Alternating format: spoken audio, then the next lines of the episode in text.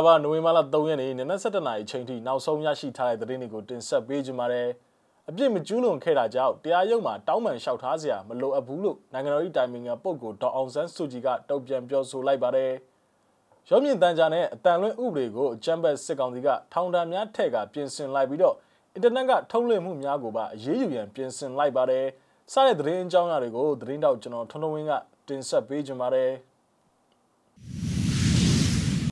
ပထမဆုံးအနေနဲ့တင်ဆက်ပေးခြင်းတဲ့သတင်းကတော့ရုံးမြင့်တန်ကြားနဲ့အတန်လွင့်ဥပဒေမှာရခိုင်ကပြဋ္ဌာန်းထားတဲ့ငွေဒဏ်များအပြင်လက်ရှိမှာထောင်ဒဏ်များပါဖြည့်ဆွက်ကထပ်တိုးပြင်ဆင်ပြဋ္ဌာန်းလိုက်ကြောင်းကိုအာဏာသိမ်းအကြမ်းဖက်စစ်ကောင်စီကနိုဝင်ဘာလ10ရက်နေ့ရက်စွဲဖြင့်သတင်းထုတ်ပြန်ကြေညာလိုက်ပါတယ်။ရုံးမြင့်တန်ကြားနဲ့အတန်ထုတ်လွှင့်ခြင်းဆိုင်ရာဥပဒေပုံမှန်66မှာပြဋ္ဌာန်းထားတဲ့ငွေဒဏ်ကျပ်သိန်း300မှကျပ်သိန်း900အထိပြဋ္ဌာန်းချက်ကိုအနည်းဆုံး3နှစ်မှ9နှစ်အထိထောင်ဒဏ်ဖြစ်စေကျပ်သိန်း300မှကျပ်သိန်း900အထိငွေဒဏ်ဖြစ်စေ ဒဏ်ငယ်လုံးချမှတ်နိုင်ကြောင်းကိုအာဏာသိမ်းစစ်ကောင်စီကပြင်ဆင်ပြဋ္ဌာန်းလိုက်ခြင်းဖြစ်ပါတယ်။အဲ့ဒါအပြင်ဥပဒေပုံမှန်69မှာပြဋ္ဌာန်းထားတဲ့ငွေတက်ကျပ်သိန်း90မှကျပ်သိန်း100အထိပြဋ္ဌာန်းချက်ကိုအနည်းဆုံး6လမှအများဆုံးတစ်နှစ်ထိထောင်ဒဏ်ဖြစ်စေကျပ်သိန်း90မှကျပ်သိန်း100အထိထောင်ဒဏ်ဖြစ်စေဒဏ်ငယ်လုံးချမှတ်နိုင်ကြောင်းကိုလည်းပြင်ဆင်ပြဋ္ဌာန်းလိုက်တာပါ။အာဏာသိမ်းစစ်ကောင်စီရဲ့ဥပဒေပြင်ဆင်ချက်အွန်လိုင်းပေါ်ကဗီဒီယိုရေဒီယိုသတင်းများကိုထောင်ဒဏ်အပြစ်ပေးအရေးယူနိုင်အောင် လှုပ်ဆောင်လိုက်တဲ့သဘောဖြစ်ကြောင်းကိုဝါရဲ့သတင်းစာဆရာဦးမြင့်ကျော်ကတုံ့တက်လိုက်ပါတယ်။ online ရုပ်သံဗီဒီယိုတွေကိုဒီဥပဒေနဲ့အရေးယူနိုင်တဲ့သဘောတက်ရောက်တယ်။အရေးယူရမှာလည်းမပြင်ဆင်ခင်ဥပဒေကထောင်ဒဏ်တွေမပါရှိပေမဲ့အခုတော့ထောင်ဒဏ်3နှစ်အနည်းဆုံးကနေအများဆုံး9နှစ်အဖြစ်ပြင်လိုက်တော့အမခံမရတဲ့သဘောရဲရစ်ပိုင်းတဲ့ပုံမှန်အဖြစ်လဲပြောင်းလိုက်တယ်။ချုပ်ပြောရရင်တော့ online ပေါ်ကဗီဒီယိုရေဒီယိုသတင်းတွေကိုထောင်ဒဏ်အပြစ်ပေးအရေးယူနိုင်အောင်လုပ်လိုက်တဲ့သဘောလို့ယူဆရတယ်လို့ဦးမြင့်ကျော်ကပြောဆိုပါတယ်။ ယခုကဲ့သို့အာဏာသိမ်းစစ်ကောင်စီကရုံမြင့်တန်ကြားနဲ့အတန်လွင့်ဥပဒေကိုထပ်တိုးပြင်ဆင်လိုက်ခြင်းဟာမီဒီယာများနဲ့ပြည်သူများရဲ့သတင်းသိပိုင်ခွင့်ကိုထိန်းချုပ်နိုင်ရန်ထောင်ဒဏ်များဖြင့်ဖိနှိပ်၆လန့်လိုက်ခြင်းဖြစ်ကြောင်းကိုလှုပ်သက်ရင်သတင်းတော်တဦးကသုံးသပ်ပါတယ်။အဲ့ဒါအပြင်ရုံမြင့်တန်ကြားဥပဒေပုံမှန်68မှာပြဋ္ဌာန်းထားတဲ့ငွေတဲ့ကျပ်သိန်း100မှကျပ်သိန်း300အထိပြဋ္ဌာန်းချက်ကိုအနည်းဆုံးတစ်နှစ်မှအများဆုံး3နှစ်ထိထောင်ဒဏ်ဖြစ်စေကျပ်သိန်း100မှကျပ်သိန်း300အထိငွေဒဏ်ဖြစ်စေဒဏ်ငွေလုံးချမှတ်လိုက်တယ်လို့ပြင်ဆင်လိုက်တာပါ။ အလားတူပုံမှန်69မှာပြဋ္ဌာန်းထားတဲ့ငွေဒဏ်ကျပ်သိန်း300မှကျပ်သိန်း900အထိပြဋ္ဌာန်းချက်ကိုအနည်းဆုံး3နှစ်မှအများဆုံး9နှစ်ထိထောင်ဒဏ်ဖြစ်စေကျပ်သိန်း300မှကျပ်သိန်း900အထိငွေဒဏ်ဖြစ်စေဒဏ်ငယ်လုံးချမှတ်နိုင်ကြောင်းကိုအကြံဘက်စစ်ကောင်စီကပြင်ဆင်လိုက်ပါတယ်ရခိုင်ကပြဋ္ဌာန်းထားတဲ့အင်တာနက်မှာထုတ်လွှင့်တဲ့ရုပ်မြင်သံကြားနဲ့အတန်ထုတ်လွှင့်မှုများအကျုံးဝင်ခြင်းမရှိစေရဆိုတဲ့နေရာမှာအခြားနည်းပညာတရားရက်ကိုအသုံးပြုပြီးထုတ်လွှင့်ခြင်းမပြုရလို့ပြင်ဆင်ထားတဲ့ online စနစ်ဖြင့်ရုပ်သံထုတ်လွှင့်မှုများကို ရည်ရွယ်ပြီးတော့ပြင်ဆင်လိုက်ခြင်းပဲဖြစ်ပါတယ်ဆလဗီဒင်ဆက်ကတော့မြည်သည့်ပြစ်မှုမှမကျူးလွန်ခဲ့ခြင်းကြောင့်အမှုနဲ့ပတ်သက်ပြီးတော့တရားရုံးမှာတောင်းပန်လျှောက်ထားစရာမလိုအပ်ဘူးလို့တရားခွင်မှာနိုင်ငံတော်၏တိုင်ပင်ခံပုဂ္ဂိုလ်ဒေါအောင်ဆန်းစုကြည်ကတရားသူကြီးကိုတုံ့ပြန်ခြေပပြောဆိုလိုက်ပါတယ်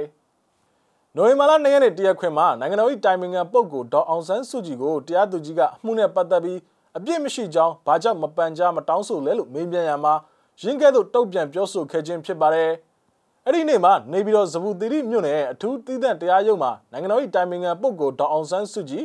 နိုင်ငံတော်သမ္မတဦးဝင်းမြင့်နဲ့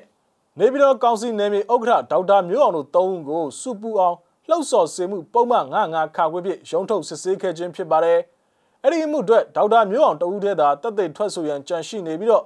အဲ့ဒီနေ့တရားခွင်မှာ၎င်းကကိုယ်တိုင်ကြမ်းကြိမ်ထွက်ဆိုခဲ့တာပါ။ဒေါက်တာမျိုးအောင်ကကိုယ်တိုင်ခြေပထွက်ဆိုရမှာ ဖေဝိုင်းလက်တရက်နေ့က၎င်းကိုမြည်တို့ဖမ်းဆီးခံခဲ့ရသည့်ဆိုခြင်းကိုထွက်ဆိုနေစဉ်အစိုးရရှင်းနေဘက်ကအမှုနဲ့မသက်ဆိုင်ကြောင်းကန့်ကွက်ခဲ့ပါတယ်။ဆွဆွဲခံရသူဘက်မှလိုက်ပါဆောင်ရွက်နေတဲ့ရှင်းနေအဖွဲ့ကထွက်ဆိုတဲ့တပ်သေးခံချက်များဟာဆက်ဆက်မှုရှိကြောင်းရှင်းလင်းတင်ပြခဲ့ရမှာတရားသူကြီးကတရားခံနေဖြစ်အမှုအတွက်အပြစ်ပြည့်ဝဝထွက်ဆိုခွင့်ရှိတဲ့ဆိုကခွင့်ပြုပေးခဲ့ပါတယ်။ဒေါက်တာမျိုးအောင်ထွက်ဆိုချက်အပြီးမှာတော့ဆွဆွဲခံရသူများရဲ့ရှင်းနေအဖွဲ့က ရှောက်လဲချက်ပေးရမယ့်ရက်ကိုပုံမှန်ချင်းဆိုတဲ့ရက်ထက်တပတ်နောက်ဆုတ်ကစစ်ဆေးပေးရန်တောင်းဆိုခဲ့ရမှာတရားသူကြီးကနိုဝင်ဘာလ16ရက်နေ့သို့ချင်းဆိုလိုက်တာပါအဲ့ဒီနောက်မှာတော့ဒေါအောင်ဆန်းစုကြည်ကိုဆွဲဆိုထားတဲ့တဘာဝဘေး NLC မှခံကွဲမှုဥပဒေပုံမှန်25အမှုနှစ်မှုရှိတဲ့အနက်မှာတမှုကိုဆက်လက်စစ်ဆေးခဲ့ရမှာတရားလိုဦးညီညီလိုပြသက်တဲ့ဥဝေလွင်ဦးနဲ့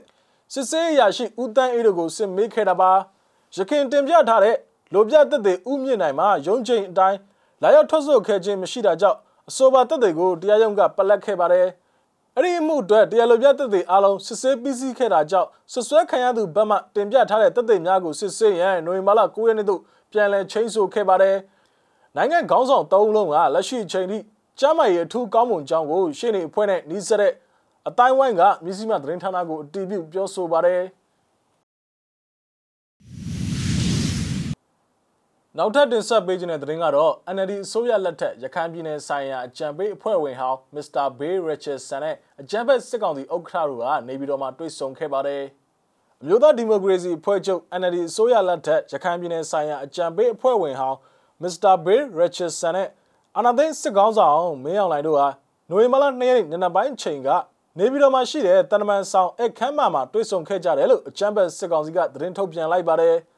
Mr. Bill Richardson ဟာ American နိုင်ငံ New Mexico ပြည်နယ်အုပ်ချုပ်ရေးမှူးဟောင်းနဲ့ကုလသမဂ္ဂဆိုင်ရာ American တန်မတ်ဟောင်းတူလည်းဖြစ်ပါတယ်။တွဲဆောင်ပွဲမှာ COVID-19 ကပ်ရောဂါထိန်းချုပ်ရေးကာကွယ်ဆေးထိုးနှံပေးရေးနဲ့ American နိုင်ငံမှတဆင့် COVID-19 ရောဂါကာကွယ်ဆေးကူညီပေးမဲ့အခြေအနေများကိုဆွေးနွေးခဲ့ကြတယ်လို့အကြံဖက်စစ်ကောင်စီရဲ့သတင်းနဲ့ပြန်ကြားရေးကသတင်းထုတ်ပြန်ခဲ့တာပါ။သို့တော်လည်းလက်ရှိနိုင်ငံရေးအခြေအနေများကိုဆွေးနွေးခဲ့ခြင်းရှိမရှိနဲ့ မစ္စတာဘေးရချက်ဆန်နေဖြင့်မိကဲသို့အကြောင်းအရာများကိုပြောဆိုခဲ့တဲ့ဆိုတဲ့အသေးစိတ်ကိုတော့ထည့်သွင်းရေးသားခဲ့ခြင်းမရှိပါဘူး။နိုင်ငံရေးအကျဉ်းသားများကိုပြန်လွှတ်ရန်မြန်မာအာဏာသိမ်းစစ်ကောင်စီကိုအမေရိကန်သမ္မတဂျိုးဘိုင်ဒန်ကနိုဝင်ဘာလ၁ရက်နေ့ကတိုက်တွန်းတောင်းဆိုခဲ့ပြီးတော့နိုဝင်ဘာလ၂ရက်နေ့မှာတော့တွေ့ဆုံခဲ့ကြခြင်းလည်းဖြစ်ပါတယ်။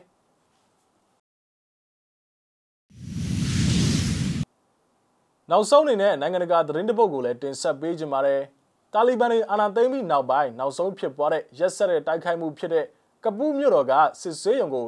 အသေးခံတိုက်ခိုက်မှုမှာလူ19ဦးသေဆုံးပြီးတော့90ဦးထက်မနည်းထိခိုက်ဒဏ်ရာရရှိခဲ့ပါတယ်။ကပူးမြို့တော်လေကအဲ့ဒီနေရာကိုတနက်ပစ်တိုက်ခိုက်ခဲ့တာဘုံခွဲတိုက်ခိုက်ခဲ့တာတွေဟာမိမိတို့လက်ချက်ဖြစ်တယ်ဆိုပြီးတော့တာလီဘန်ရဲ့ပြိုင်ဖက်အစ္စလာမစ်နိုင်ငံတော် IS ဖွဲ့ကအတည်ပြုပြောဆိုပါတယ်။ ဟိုဒဇဒီဒဇနေရာတွေကို IS အုပ်စုတိုက်ခိုက်ရေးသမား9ဦးကတိုက်ခိုက်မှုတွေဆင်နွှဲခဲ့တာဖြစ်တယ်လို့ IS အဖွဲ့ရဲ့အာဖဂန်နစ္စတန်လက်ခွဲကိုင်း ISK အဖွဲ့ကပြောဆိုပါတယ် IS တောင်းကျမ်းသူတွေကစေယုံထဲကအရက်သားတွေဆရာဝန်တွေနဲ့လူနာတွေကိုပြစ်မှတ်ထားလို့တာဖြစ်တယ်ဆိုပြီးတာလီဘန်ပြောဆိုခွင့်ရှိသူဇဘူလာမူဂျာဟစ်ကပြောပြီးတော့တာလီဘန်တပ်တွေကတိုက်ခိုက်မှုကို15မိနစ်အတွင်းမှာတံပြန်ချေမှုန်းလိုက်တယ်လို့အတည်ပြုပြောဆိုပါတယ်တံပြန်တိုက်ခိုက်ရေးတရက်ဖြစ်တဲ့တာလီဘန်အထူးတပ်ဖွဲ့က ရဲရင်ဒဇင်းပေါ်ကနေစေယုံခေါမှုပေါ်သို့ဆင်းသက်ပြီးတော့စစ်စင်ရေးဆင်နွှဲခဲ့တာဖြစ်တယ်လို့သူကဆိုပါတယ်။အမေရိကန်ကြောထောက်နောက်ခံဖြစ်တဲ့အာဖဂန်နစ္စတန်အရင်ဆိုရထံကတင်းစီရမိတဲ့ရဟတ်ရင်ကိုအသုံးပြုခဲ့တာလည်းဖြစ်ပါတယ်စစ်ဆေးရုံဂိတ်ပေါက်မှာအသေးခံဘုံခွဲသမားကဘုံဖောက်ခွဲတာကနေတိုက်ခိုက်မှုတွေစတင်ဖြစ်ပွားခဲ့တာပါအဲ့ဒီနောက်မှာတော့လက်နက်ကင်တွေကဆေးရုံထဲကိုချိုးဖောက်ဝင်ရောက်ပြီးတော့ပြစ်ခတ်မှုတွေလှုပ်ဆောင်ခဲ့တာပါရုပ်လောင်း16လောင်းနဲ့ဒဏ်ရာရသူ90ကိုကပူးကနေဆေးရုံတွေစီ ပို့ဆောင်ထားတယ်လို့ကျမ်းမာရေးဝန်ကြီးဌာနတာဝန်ရှိသူတူက AFP ကိုအမည်မဖော်ဘဲပြောဆိုပါတယ်တင်ဆုံးသူနှုံကိုမူဂျာဟစ်ကရှော့ပြောပေးမဲ့စစ်အုံပြင်ပမှာတာလီဘန်တိုက်ခိုက်ရေးသမား2ဦးနဲ့အမျိုးသမီး2ဦးနဲ့ကလေးငယ်2ဦးသေဆုံးကြောင်းကိုအတည်ပြုပြောဆိုပါတယ်။တိုက်ခိုက်မှုဖြစ်ချိန်မှာစစ်အုံမှာပိတ်မိနေတဲ့အမျိုးသမီး2ဦးက AFP ကိုပြောဆိုရမှာသူနဲ့သူ့တငယ်ချင်းဖြစ်သူတို့အသက်သေဆုံးရတော့မှာကိုကြောက်ရွံ့နေခဲ့ကြောင်းကိုပြောဆိုပါတယ်။ကျမတို့ဘဝကတော့အဆုံးသက်ပြီးဆိုပြီးကြောင်းလန့်နေခဲ့မိတာ ဝင်ပေါက်တကားမှာပောက်ကွဲတာဖြစ်တယ်လို့ကြပြဆရာမနဲ့စာရေးဆရာမတူဖြစ်တဲ့ရိုဝါနာဒါဝါယီက AFP ကိုပြောဆိုပါတယ်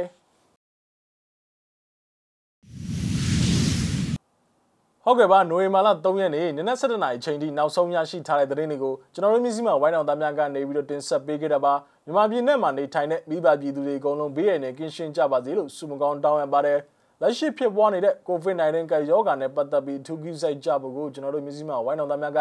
တိုက်တွန်းလို့ဆိုကြပါတယ်နောက်ထပ်ရရှိလာမယ့်သတင်းတွေအတူတူကျွန်တော်တို့ပြန်လာခဲ့ပါမယ်